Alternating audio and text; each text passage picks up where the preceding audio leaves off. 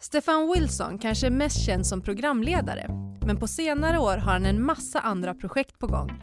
I det här avsnittet berättar han om arbetslöshet, att nå sina mål och sätta personliga världsrekord. Det här är Arbetsförmedlingens jobbpodd med mig, Priya Eklund. Välkommen hit Stefan. Jätteroligt att vara här. Alltså, jag är också jätteglad för att du är här. Vad skönt. ja, precis. Det blir ett jättekonstigt ja. samtal ja, annars. Så svårt för honom. Nej, men jag, jag kontaktade ju dig eh, för jag ville ha med dig i Arbetsförmedlingens jobbpodd för att jag fick upp ögonen för dig när du åkte Vasaloppet första gången. Eh, man filmade dig och man verkligen såg hur du pinades, men du gav inte upp. Och sen har jag följt din resa och klassikerresan och verkligen känt så här, det här är liksom en vanlig kille som aldrig ger upp. Och jag ville prata lite inställning och så med dig. Men sen i ett samtal som vi hade igår så började vi prata om lite andra saker också som rör, direkt rörde jobbsökande. Så jag tänkte vi ska börja där. Mm. Nu tror alla att jag söker jobb här. ja. men, men, det är inte eh, riktigt så. Inte riktigt Nej. så. Men du har sökt jobb? Ja men absolut. Vem har inte det? Precis. Och jag tänker så här, men du har varit med på TV. Folk bara, åh men glassigt, eh, killen med på TV, och vilken karriär och allt det här. Men det har inte alltid varit så lätt. Nej, alltså jag eh, visste inte riktigt eh, vad jag skulle eh, ta vägen någonstans när, när jag pluggade. Men eh, det hände någonting i, i gymnasiet skulle jag säga. Då, då eh, trodde jag lite mer på mig själv och, och berätta, det vill jag göra. Och så vill jag bli så bra berättare som möjligt och då blev det utbildning efter utbildning. Allt från att vara framför kameran till att vara bakom kameran och lära sig allt från dramaturgi till skådespeleri. Så eh, nu eh, tycker jag att jag är rätt fet på att berätta, men inte på att åka skidor. Nej, men precis. Men hur har det varit? Liksom, har det varit spikrakt att ja, men från utbildning till jobb eller har det funnits perioder av arbetslöshet? Alltså det har gått så bra. Du anar inte. Det har bara flytit på. Nej, det, så har det inte varit. Alltså, jag eh, ehm, var en sån person som inte stack ut i skolan med vare sig betyg eller resultat. Jag var ja, eh, medioker skulle man kunna säga. Och, och, jag lägger ingen värdering i det. Jag vill bara liksom vara tydlig med det att jag, jag eh, var inte den populära i klassen. Jag var snarare åt, eh, jag, var, jag var en snäll, snäll person, en väldigt, väldigt snäll person. Eh, eh blev, eh, hade det var snarare så att jag blev den som blev retad eller till och med mobbad. Sådana grejer var jag med om när jag, när jag pluggade. Ehm, jag var inte medveten om vissa saker som till exempel hur man ser ut. Hur viktigt sånt är för vissa. Jag kom ända in i gymnasiet skulle jag säga och inte hade koll på det medan andra kanske träffade tjejer eller killar så var jag liksom i min egen bubbla. Jag älskade att eh, ja, men jag sportade lite, jag älskade att berätta sk- historia, skrev gärna. Jag, jag var urkass på att rita, men jag, jag, jag skrev gärna liksom berättelser. Jag älskade att drömma bort. Rätt långt in på åren så lekte jag. Alltså, leken är ett bra sätt att processa saker. Eh, och sen när man väl ändå kom dit där i gymnasiet så var jag rätt vilsen, gick medieprogrammet, något jag trodde att eh, det skulle väl passa mig, typiskt. Sen gjorde jag, eh, fick jag en praktik eller så här, jag hittade inte ens en praktik. Om vi ska, det är ju ett, ett sätt att söka jobb på faktiskt, när ens första praktikmöjligheter där i gymnasiet. Och jag hittade inte någon praktik medan mina andra vänner lyckades. Jag var inte den eh, mest företagsamma så jag visste inte liksom hur jag skulle göra, hade inget kontaktnät. Eh, min mamma eh, som, som jag växte upp med, hon har aldrig gått i skola tyvärr. Hon fick inte den möjligheten. Så eh, jag hade inte mycket till kontakter alltså. Så skolan ordnade en praktikplats åt mig. Det var att jag skulle göra dokumentera arbetet på en annan skola där man tog hand om barn som lite hamnat utanför systemet. Barn som kanske har blivit mobbade eller som eh, var mobbare eller har struligt hemma. Ungar som helt enkelt inte kunde tillgodogöra sig eh, den vanliga skolutbildningen. Sådana som eh, inte hade godkända betyg men hade olika vägar till den här speciella skolan. Och jag fick sjukt bra kontakt med de här barnen som var lite yngre än mig och det, delvis tror jag att det beror på att jag inte har haft det så lätt när jag var liten. Eh, jag var inte en sån här toppstudent på något sätt. Jag vet själv hur det är att vara mm, ha har det tufft och bli mobbad och sådär. Så jag kunde relatera till, till många och gjorde en, en liten film om de här eh, kidsen. Och den var ju inte på något sätt ex, eh, extraordinär eller bra, men det väckte en lust hos mig. Okay. Jag eh, hittade någonting där och den, det tror jag är så otroligt viktigt. När man hittar någonting, en glöd inom sig själv, så ska man lyssna på den eh, känslan. Och det, det kunde jag ju då känna tillbaka till när jag eh, var lekfull som liten. Jag gjorde alltid små serietidningar, trots att jag var urkast på rita och allt det där, att den där glöden väcktes till liv igen. Men sen kom ju studenten som ett brev på, på posten och jag var inte redo för, för det vuxna livet. Det är inte alla som är det, långt ifrån jag som är, eh, bara kände så. Men jag var knappt medveten om högskola, universitet. Som sagt, jag hade inte det kontaktnätet och då har man inte de samtalen hemma vid middagsbordet. Så jag gick eh, raka steget ut i arbetslöshet. Mm. Eh, och jag minns att det var läskigt. Det var obehagligt. Det var eh, det, eh, man, man kände en ångest och en rädsla. För jag kände ju någonstans att jag, vi är tre syskon, jag är äldst. Eh, jag hade ju världens chanser. Jag fick ju växa upp i Sverige. Det fick inte min mamma. Eh, hon har aldrig gått i skola. Jag har fått gå i skola. Jag borde ta tillvara på den här chansen. Jag kände ett ansvar. Och så tog jag inte riktigt hand om det. Eh, ett tag kände jag där. Eh, den här chansen. Men eh, på något sätt så hamnade jag ändå rätt och det, det var väldigt mycket slumpen. Jag fick en, en sån praktik, vet inte vad det kallas för idag, men mm, någon form av, praktik, ja, ja. Eh, och eh, hamnade på ett produktionsbolag och det var några farbröder på det här lilla lokala produktionsbolaget i en stad som heter Örebro. Eh, där de tog hand om mig. Där de upp, uppskattade mig. Jag fick börja med att bara dra kablar och sånt där skit. Men till slut så fick jag mer och mer ansvar och jag fick lära mig saker olika program som i produktionsbolagsmediebranschen är det så att man ska kunna redigera, man ska kunna photoshop och sånt där. Och det hade jag en viss fallenhet för. Och sen fick jag mer och mer ansvar. Och det de här farbröderna nog inte förstod, det var att jag ser alla människor som, som oslipade diamanter. Ger man bara tillräckligt mycket tid och kärlek så har de potentialen att liksom lysa resten av ens liv. Och de fick mig att liksom glänsa. Så efter den där praktiken så var det, liksom, då var det glasklart för mig. Jag mm. skulle bli en bra berättare, för jag tyckte om att berätta historier. Oavsett om det var reklam eller film eller vad det nu än var. Så jag var ju som en svamp. Jag gick ju mellan olika utbildningar och kom in på svåra utbildningar. Eh, kreddiga utbildningar som Dramatiska institutet där bara några få elever kommer in efter en massa olika tester. Men det var verkligen inte en, en, en, en tydlig resa dit. Och eh, en av de här farbröderna snubblade jag på för några år sedan. Uffe heter han på SVT Sport där jag jobbat en hel del, i och med att jag gjort mycket grejer kopplat till sport. Och när jag såg Uffe så var det så här, men det är ju du! Och han bara, det är ju du, lite den mm. känslan. Mm. Sen jobbade vi i samband med Vasaloppet när jag var reporter där, innan jag själv tog mig an det som utövare. Och då kom jag ihåg att jag bjöd honom på middag och vi satt där i en stuga, bara jag och han och pratade minnen. Och han förstod inte den impacten han hade gjort på mig. Men det är klart att han nog är väldigt, väldigt stolt över det.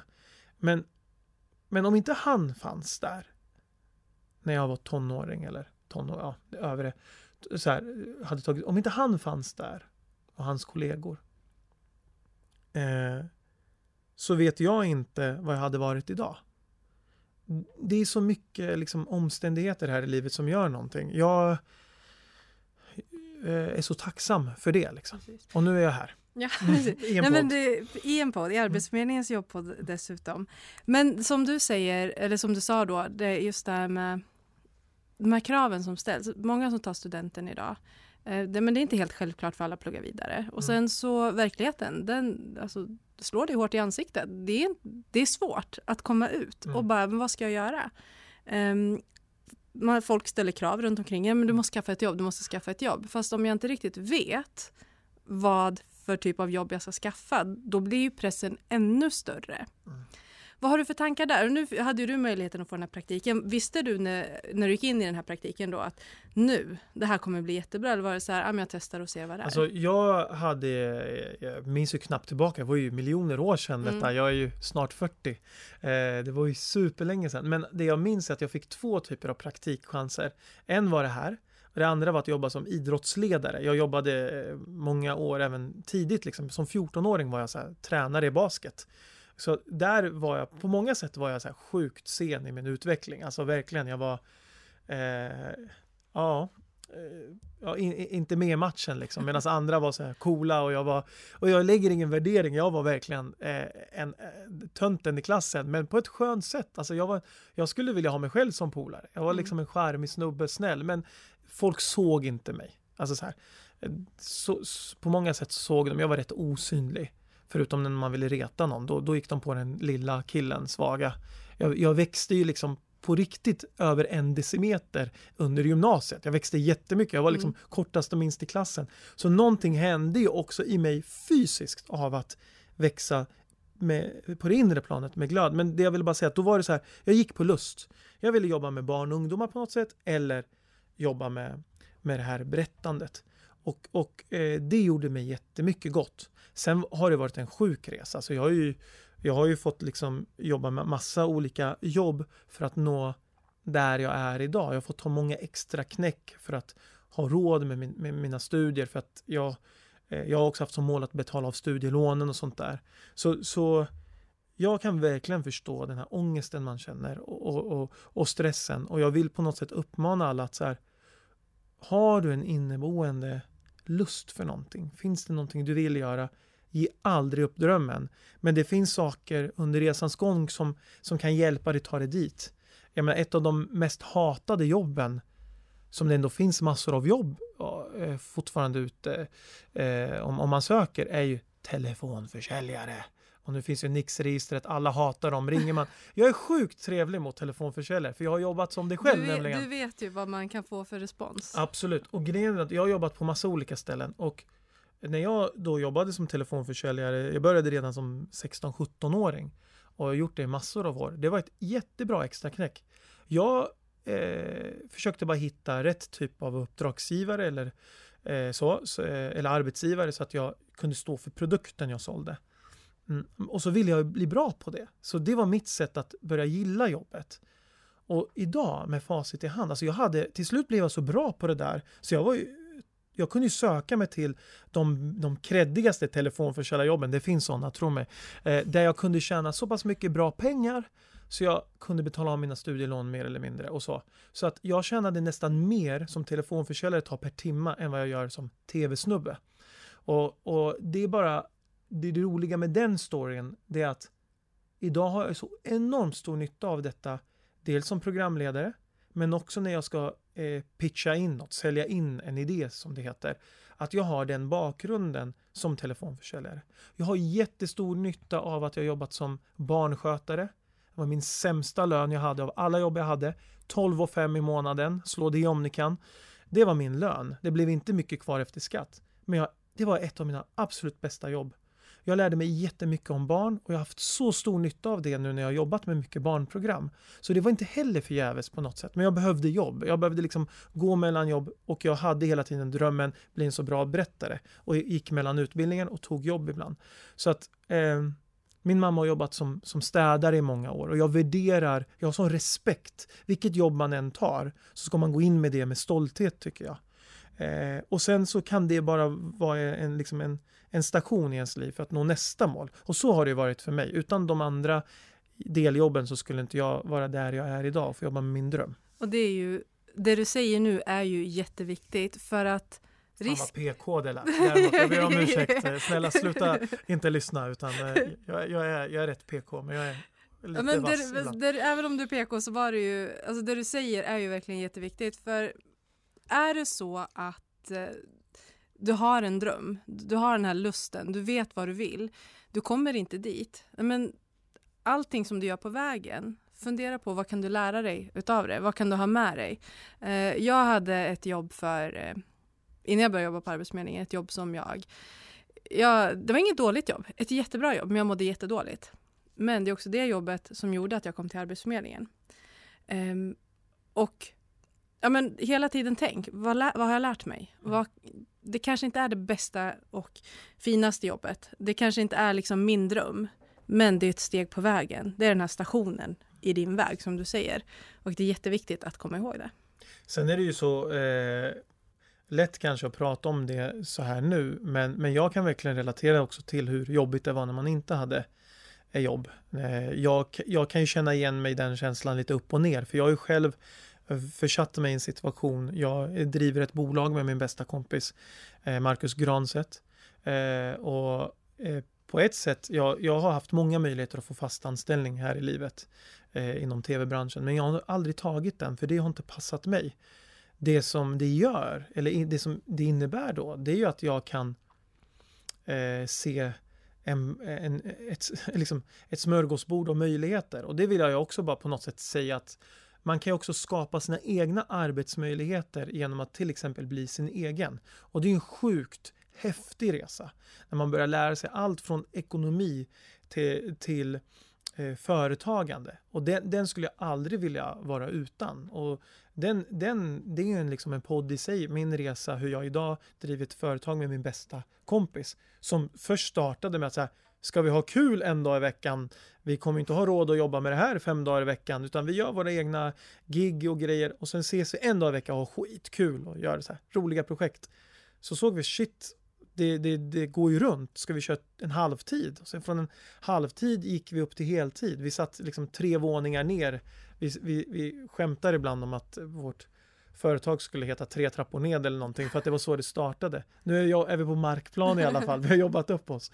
Men, men nu jobbar vi mm, mm, med projekt som ger oss lust och vi, vi klarar oss. Vi är inte rika på något sätt, men vi är rika på mycket andra värden och Eh, det skulle jag verkligen eh, peppa alla i att har du en sån dröm att du vill starta någonting så är det också ett sätt att, att faktiskt sysselsätta sig själv. Och det tycker jag nästan av det, det roligaste som finns. Vet, jag kan vara i duschen, jag kan vara på toaletten, jag kan ta min löprunda eller vad som helst och kommer på en idé så skriver jag ner den i min idélista. Och många av de här projekten jag gör är mina egna idéer. Så är det med Vasaloppsgrejen. Det var en idé som jag fick kämpa det tog mig fem år innan den blev verklighet. Fem år. Jag gick till liksom chefen på sporten. Jag fick inte ens någon respons. Men så pratade jag med olika projektledare och jag fick nya, liksom, ja, om du gör så här, om du är reporter en gång på Vasaloppet så kan vi prata lite mer. Mm. Men till slut så fick jag igenom det. Och nu, eh, nu lever jag min dröm och får jobba med sådana här projekt där jag växer som människa, både eh, på det inre planet och också på det yttre planet. Mm. Så det, det är liksom så klyschigt, men ge aldrig upp. Och det, är ju, det var ju, nu kom vi in på det som jag ville prata med dig om från första början, just det med inställning och att aldrig ge upp. Um, du verkar ha en inställning just det här med, nej men jag tror på det här. Då, då ska jag liksom nå det. Ja, men jag, jag, jag kommer inte ge upp Vasaloppet. Jag vet ju i den här dokumentären, du pajade knät och man mm. sa så här, nej men du kommer inte kunna åka. Um, ja men du åkte ju. Att, att, att, ha, att ha den inställningen överlag i livet oavsett om det handlar om Vasalopp eller om det handlar om jobbsökande, att ha en inställning att jag kommer inte ge upp. Nej, jag har inte nått mitt drömjobb, men det finns steg på vägen som jag faktiskt kan ta innan. Det tror jag är men, jätteviktigt. Mm. Nu tror jag att eh, det jag kommer säga nu kommer nog vara lite provocerande för vissa. Men eh, jag gillar inte människor som säger så här, om jag klarar det så kan alla. För det, det, det, tycker jag, man måste liksom sätta sig in i en annan persons eh, Eh, situation för att förstå vad den, hur, hur den upplever saker och ting. Och, och den här ångesten som faktiskt jag tror många som kanske lyssnar kan känna igen sig i att det här att när man inte har något jobb då sjunker ens självförtroende. Mm. Och då blir det lätt att man kanske blir eh, lite passiv kanske, man kanske låser in sig i ett hörn, nästan den känslan. Så, så det känner jag igen i alla fall att ångesten får så mycket plats när man är bara själv så att eh, på ett undermedvetet plan så, så ger man näring åt de här tankarna som blir rätt destruktiva och som knäcker ens självförtroende. Men när man har lite flow, då är man på en helt annan plats. Och då är det så himla viktigt att man aktiverar sig, umgås med vänner, för att faktiskt också på det här andra planet, det undermedvetna planet, inte ge energi åt ångesten. Och ge, för, att, för att den får inte liksom suga ur ens potential, för det kan den göra. Eh, och det är liksom på något sätt, eh, det som har gett mig väldigt mycket kraft, det är att jag har tittat till exempel till min, på min mamma som är min största idol och förebild här i livet som kom till Sverige, tog flera jobb, kunde inte språket, eh, jobbade både dag och natt eh, och, och, till slut pajade sin rygg för hon hade så tunga jobb. Men hon gjorde det för att ge sina barn en, en bättre möjlighet här i livet. Och jag känner ju att om jag inte tar tillvara på den här fantastiska chansen för Sverige, ett fantastiskt land att växa upp i, shit vad mycket värre man skulle kunna ha det. Då, då skulle inte jag gjort, eh, då skulle inte jag ha det är mitt tack till min mamma på något sätt. Och sen, eh, så jag kan känna någonstans att man har verkligen möjligheter att, att, att, eh, att lyckas. Och vad det nu betyder, det får var och en. Det, det, är upp till var och en. Men hon, hon är min största förebild till att inte ge upp. Hon har haft cancer. Hon har haft eh, eh, hjärtinfarkt. Hon har, hon har reumatiska sjukdomar. Hon mådde urkast. För, eh, hon hade inte så lätt, tre barn att ta hand om. Så här. Men nu den resa hon har gjort. Att idag med hjälp av en aktiv livsstil på något sätt kunna motionera lite, röra på sig lite. Idag är hon plus 60 men är i bättre form än hon var när hon var 40. Och det, det är liksom helt fantastiskt att se den eh, resan. Och, eh, jag, jag, för, för, mig är det så viktigt att ha henne i åtanke så att hon, hon är min största idol. Det är viktigt att ha liksom förebilder och bli peppade. Man måste hitta någonting som motiverar en. Du, har man inte det, då, då, då faller man ju. Liksom.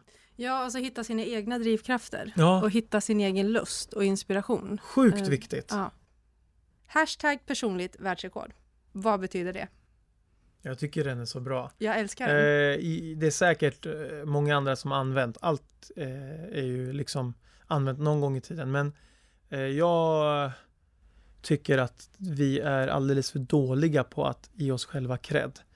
Eh, de som har följt mig i den här serien som man kan hitta på SVT Play, man kan söka på Stefans klassiker till exempel, kommer verkligen ta del av en, en, en utveckling som en häftig utveckling. Eh, men, men jag är kanske den långsammaste genom tiderna som har gjort en svensk klassiker. Nej men typ, alltså det, jag, var ju, jag är ingen duktig atlet på något sätt.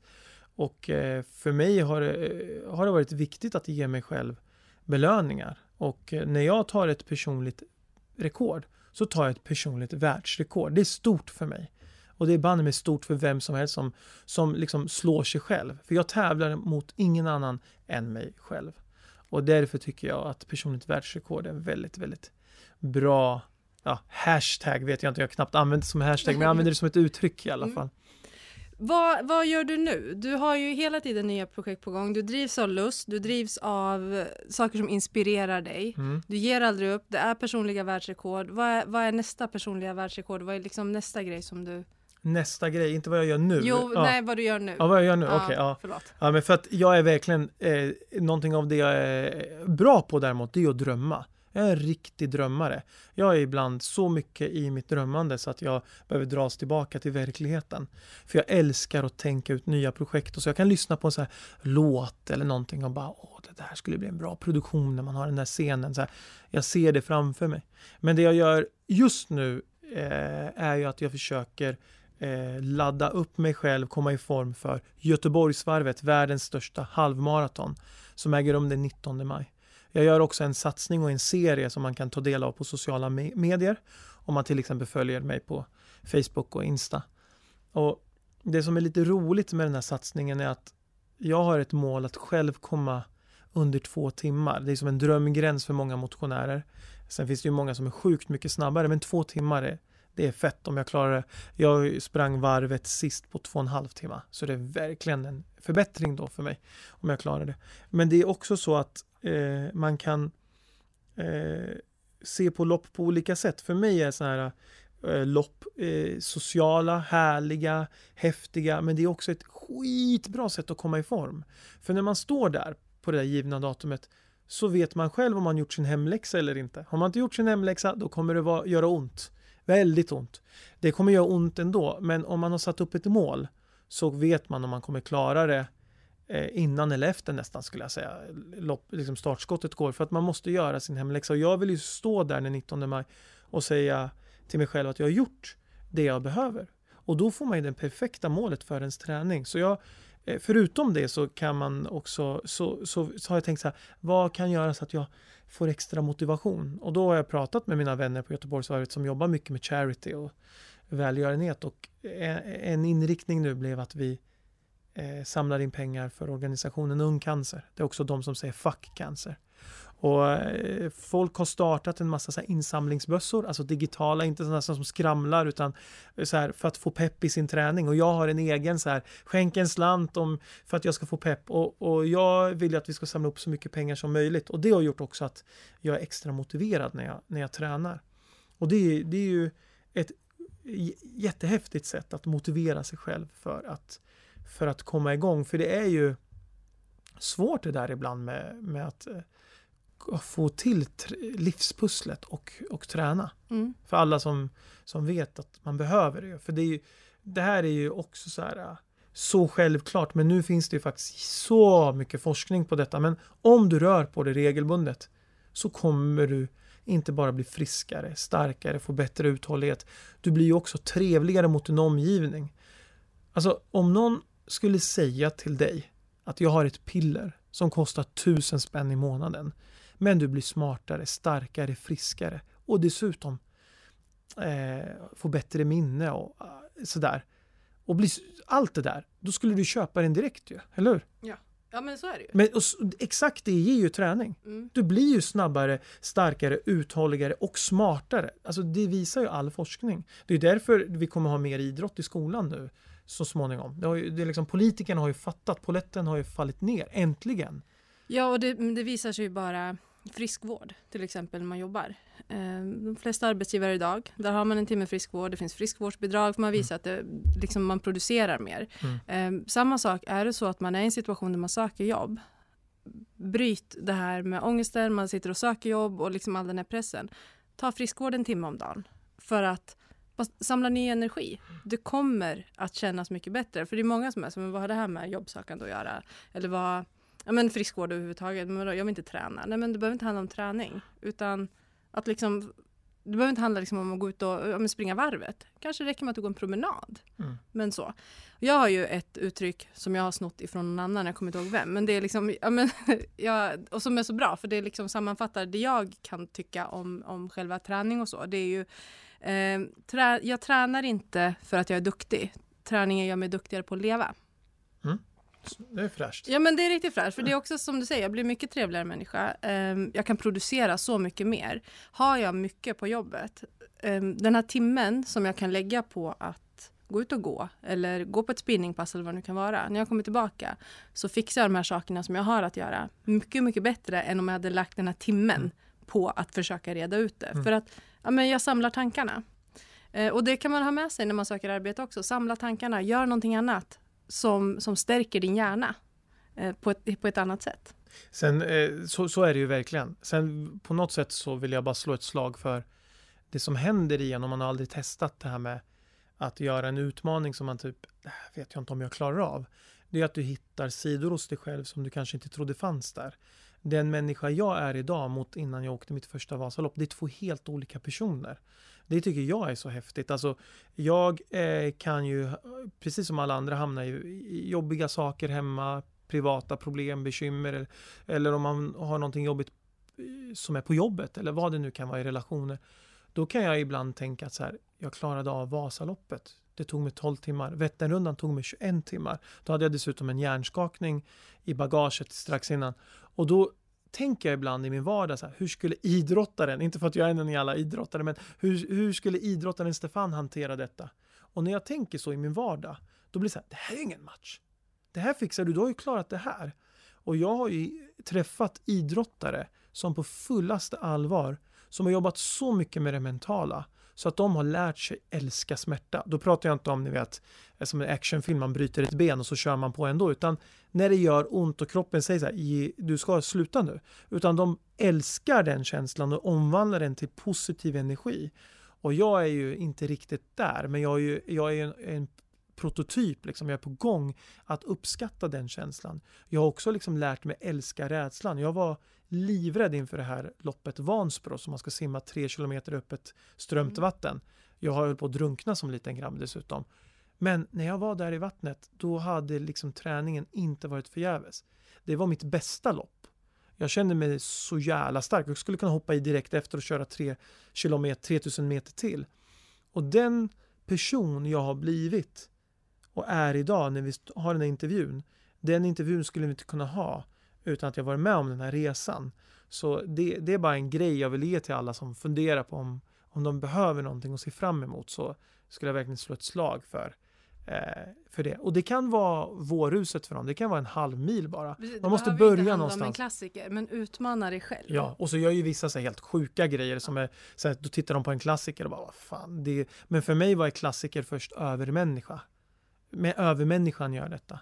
Mm. Hur får de ihop liksom livspusslet att de kan hämta och lämna barn, hinna laga mat, vara framgångsrika på jobbet, vara sjukt bra älskare eller så här, man, så här, är de supermänniskor liksom? Eh, nej, jag vet inte.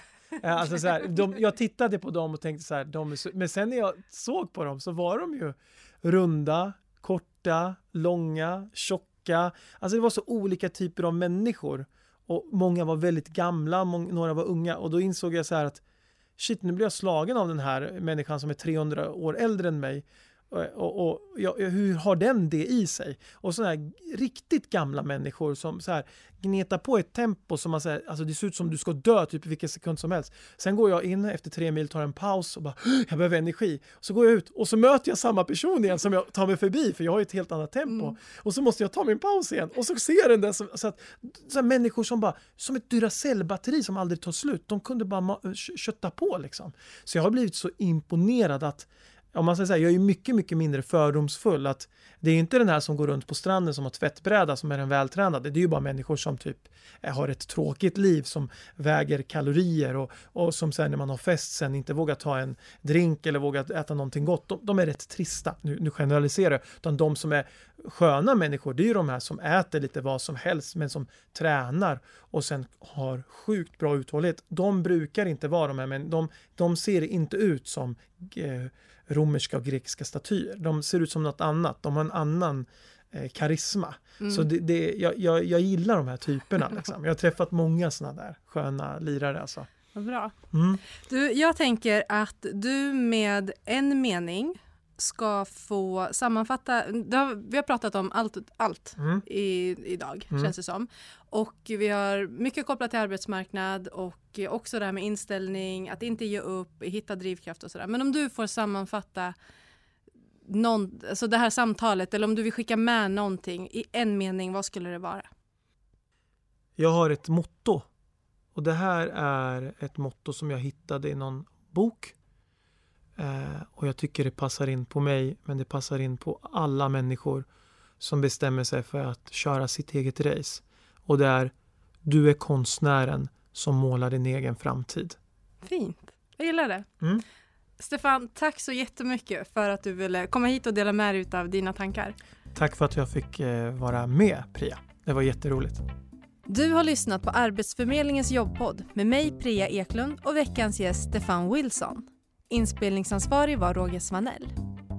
Nästa vecka bjuds det på sista minuten tips till dig som inte riktigt har lyckats hitta ett sommarjobb än. Vi hörs då.